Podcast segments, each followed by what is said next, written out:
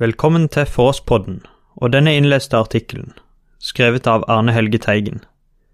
Dåpen. Teksten er innlest av Inger Holter. God lytting. Arne Helge Teigen Dåpen Læren om dåpen er et av de mest diskuterte temaer blant kristne. Det grunnleggende spørsmålet er om, og i tilfelle hvordan, dåpen er knyttet til frelsen. Dette er hovedtemaet i denne artikkelen. Den tar sikte på å vise at det er Gud som handler i dåpen, og gir sin nåde og frelse til mennesker gjennom den. Vi går følgelig ikke inn på alle sider ved dåpslæren, men vi konsentrerer oss om dette temaet. Vi starter med å skissere trekk fra dåpslærens historie. Deretter beveger vi oss inn i noen av Bibelens tekster om dåpen. Fra dåpslærens tidlige historie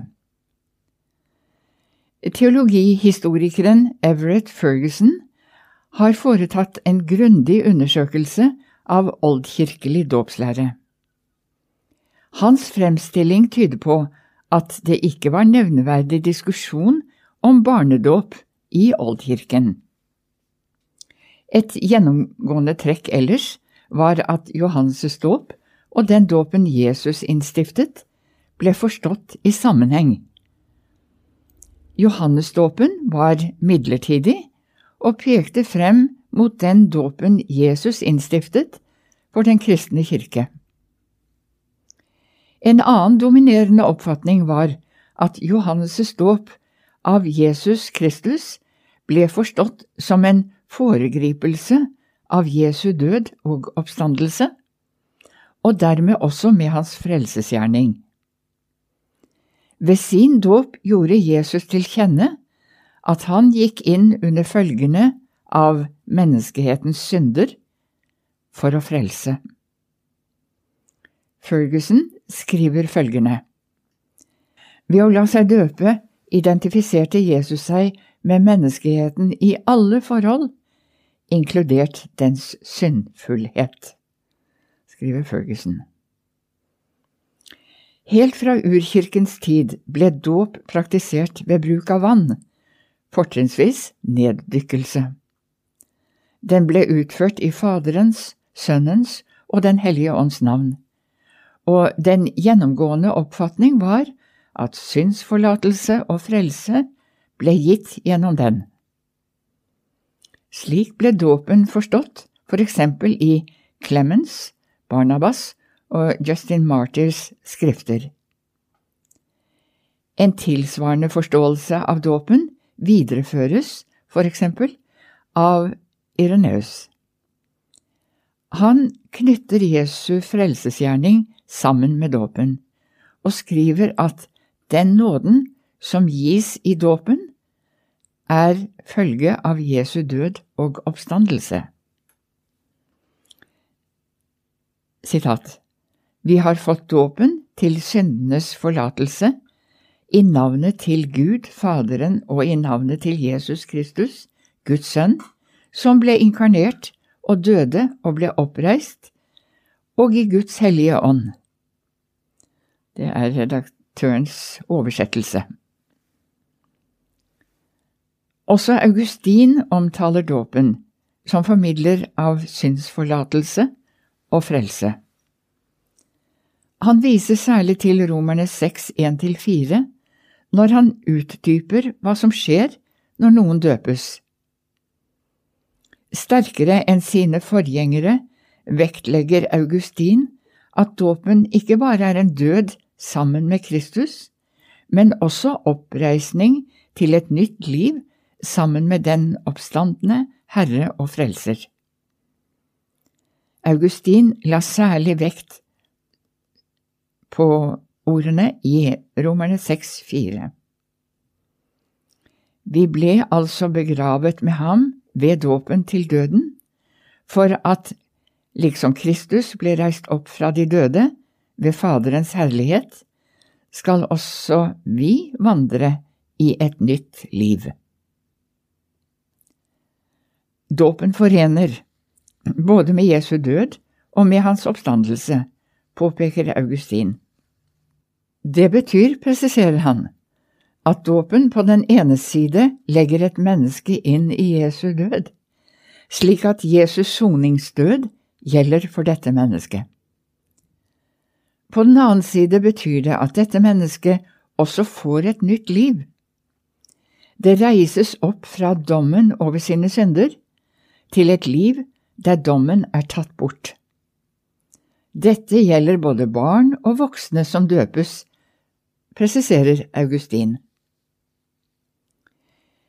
I dåpen, hvilket er likheten mellom Kristi død og oppstandelse, dør alle, både barn og voksne, bort fra å synde, slik at de kan vandre i et nytt liv. Dåp i Kristus er intet annet enn likhet med Kristi død, og at Kristi død på korset er intet annet enn likhet med tilgivelse for synd, slik at så virkelig som hans død er, så virkelig er tilgivelsen for syndene, og like virkelig som hans oppstandelse er, så virkelig er vår rettferdiggjørelse. Det var Augustin, oversatt av eh, redaktøren. Augustin trodde altså at dåpen formidlet synsforlatelse og nytt liv på en reell måte. Samtidig skriver han om dåpshandlingens symbolikk. Ikke fordi han mente at dåpen kun var en symbolsk handling. Dåpens tegn og symbolikk viser ifølge Augustin til noe som også virkelig skjer. Rettferdiggjørelsen og synsforlatelsen som mennesket får del i ved dåpen, er ifølge Augustin like reell som Jesu oppstandelse. Katolsk dåpslære Gjeldende katolsk dåpslære står særlig i gjeld til middelalderteologen Thomas Aquinas. Her forutsettes en såkalt senativ forståelse av nåden. Det betyr at nåden som mottas ved dåpen, defineres som helbredende kraft. Den erstatter den helliggjørende nåde som, ifølge katolsk tro, gikk tapt ved syndefallet. Dåpen setter derfor mennesker i stand til å arbeide sammen med Gud for å utvikle gjerninger som gir grunnlag for dets frelse.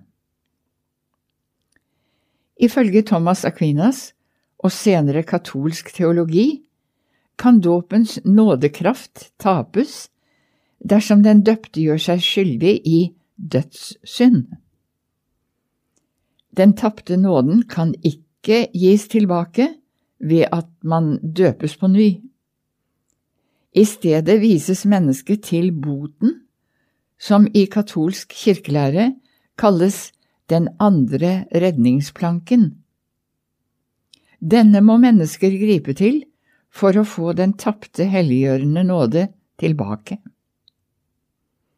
Boten består av anger, bekjennelse og godtgjørelse i form av gjerninger, parentes, foreskrevet av en prest, parentes slutt.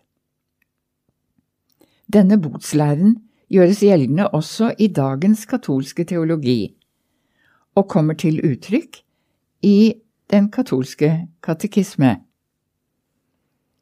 Sitat fra 1446 Kristus innstiftet botssakramentet for alle syndige medlemmer av kirken, fremfor alt for dem som er falt i alvorlig synd etter dåpen og slik har mistet dåpens nåde og såret det kirkelige fellesskap. Dem gir botens sakrament en ny mulighet til å omvende seg og finne tilbake til den rettferdiggjørende nåde. Kirkefedrene fremstiller dette sakrament som en annen redningsplanke etter det skipbrudd tapet av nåden er. På dette punktet finner vi den store forskjellen mellom luthersk og katolsk dåpslære.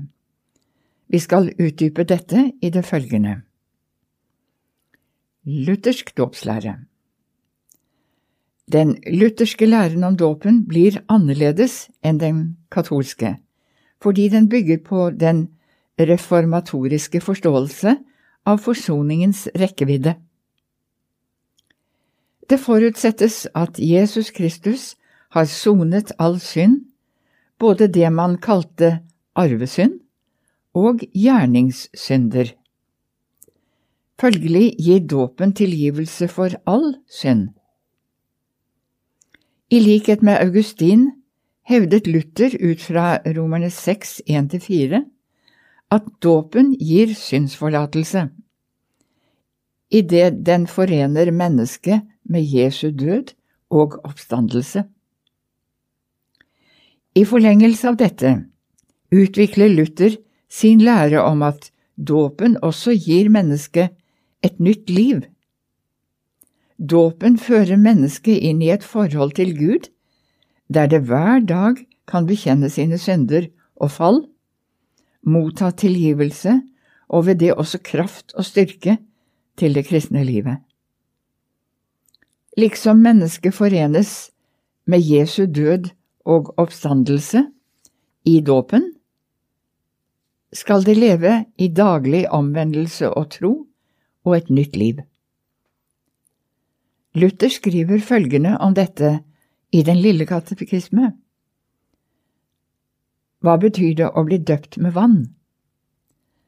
Det betyr at den gamle Adam i oss skal druknes ved daglig anger og bot, og dø med alle synder og onde lyster, og at et nytt menneske daglig skal stige fram og leve evig for Gud i rettferd og renhet.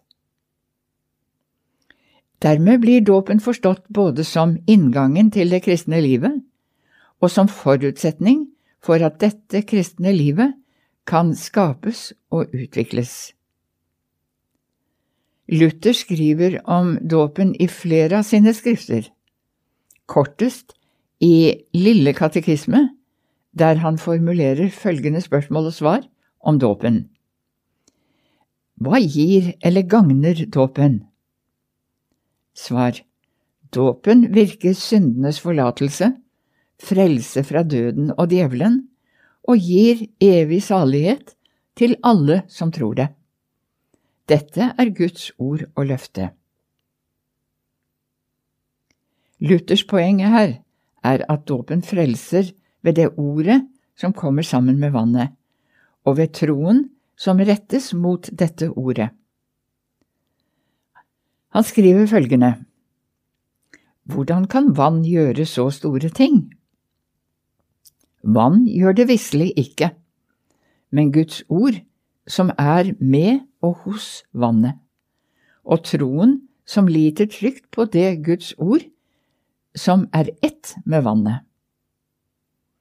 Foruten Guds ord er vannet bare vann og ingen dåp, men med Guds ord er det en dåp, et nåderikt livets vann og et bad til ny fødsel i Den hellige ånd. Dåpslæren og noen viktige dåpstekster For å få en rett forståelse av Bibelens lære om dåpen, er det på bakgrunn av det vi har skrevet så langt, hensiktsmessig først å si litt om forskjellen mellom Johannes' dåp og Jesu dåp. Som vi har sett, var det allerede i oldkirkens tid enighet om at Johannes' dåp kun hadde en foregripende og midlertidig funksjon. Den skulle ifølge det Johannes døperen selv forkynte, forberede mennesker til å ta imot Jesus Kristus, og den skulle etter Jesu oppstandelse erstattes med Jesu dåp.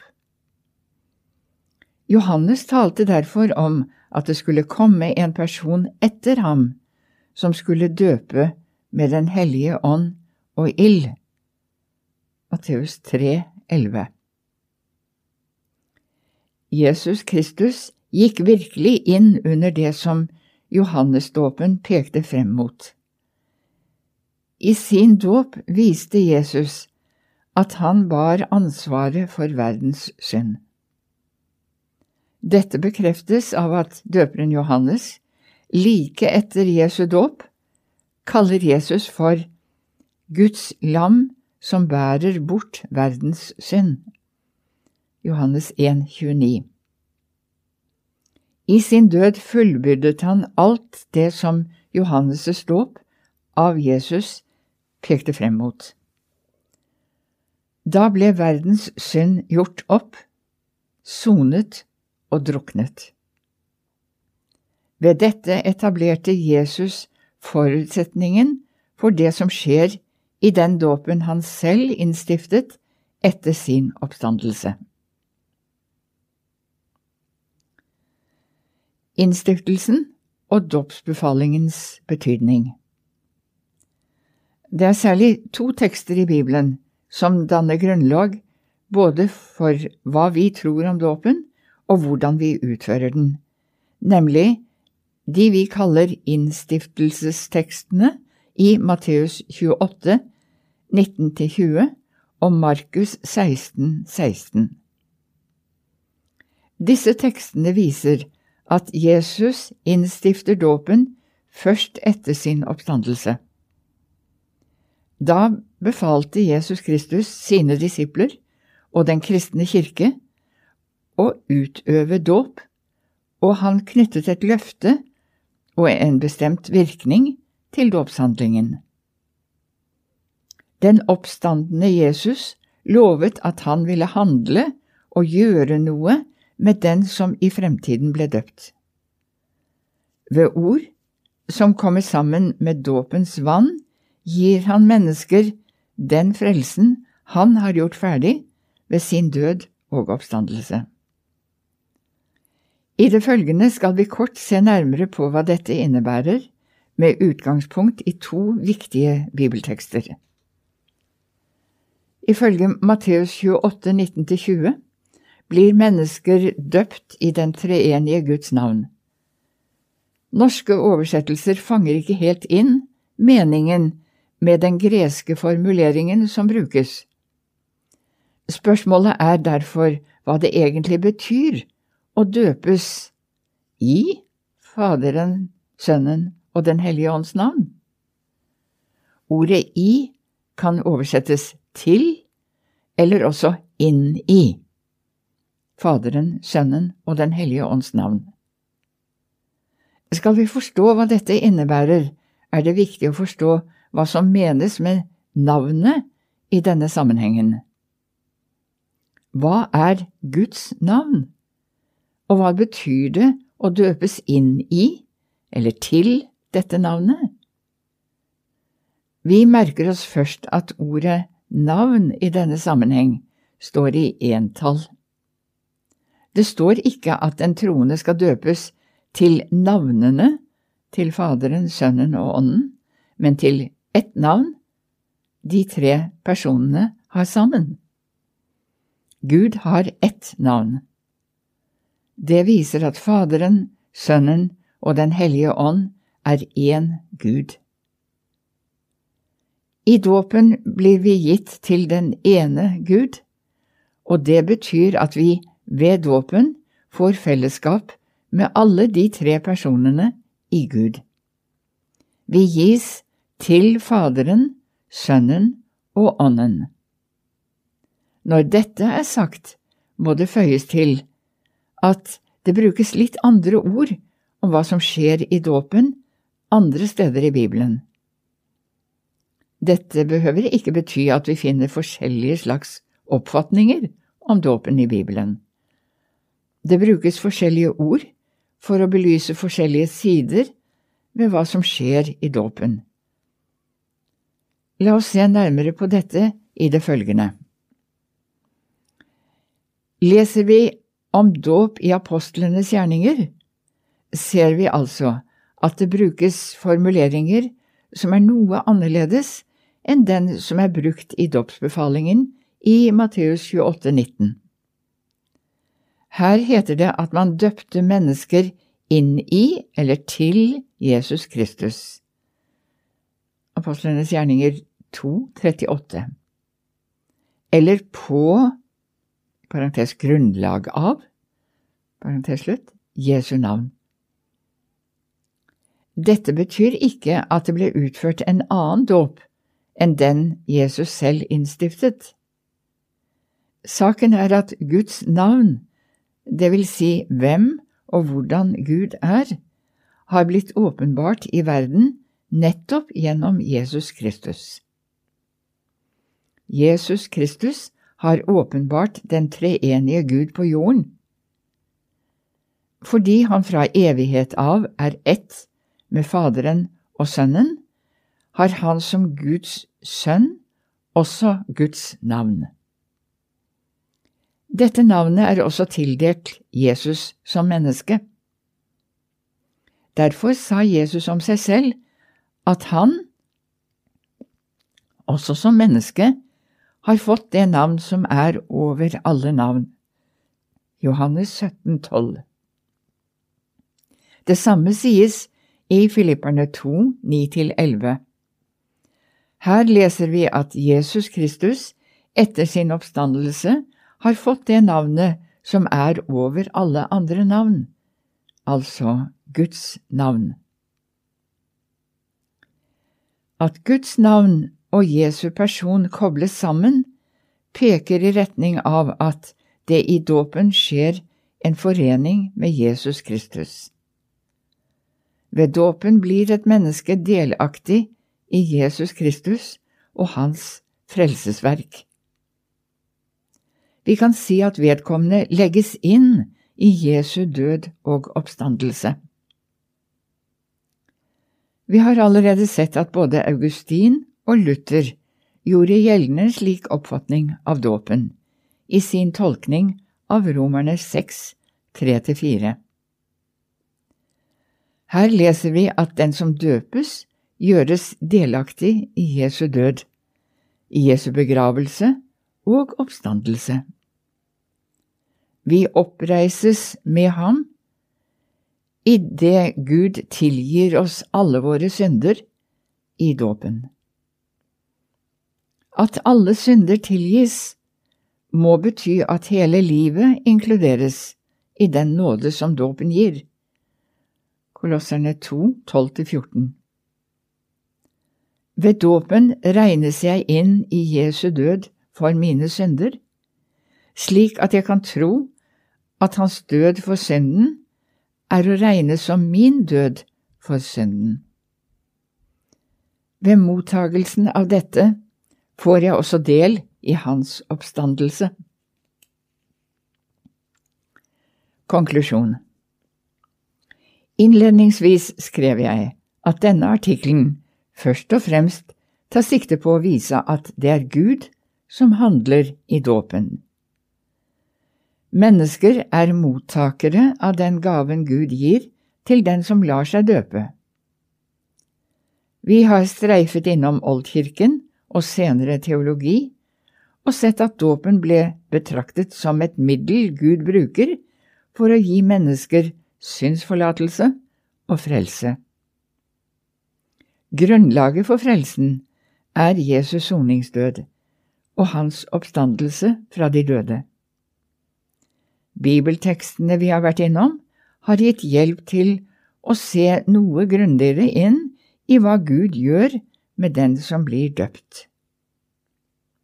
Vi har sett at vedkommende legges inn i Jesu død og oppstandelse, og ved det mottar en fullkommen frelse.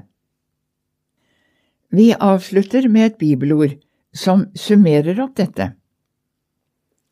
Men da Guds, vår Frelsers godhet og kjærlighet til menneskene ble åpenbart, frelste han oss, ikke på grunn av rettferdige gjerninger som vi hadde gjort, men etter sin miskunn, ved badet til gjenfødelse og fornyelse ved Den hellige ånd.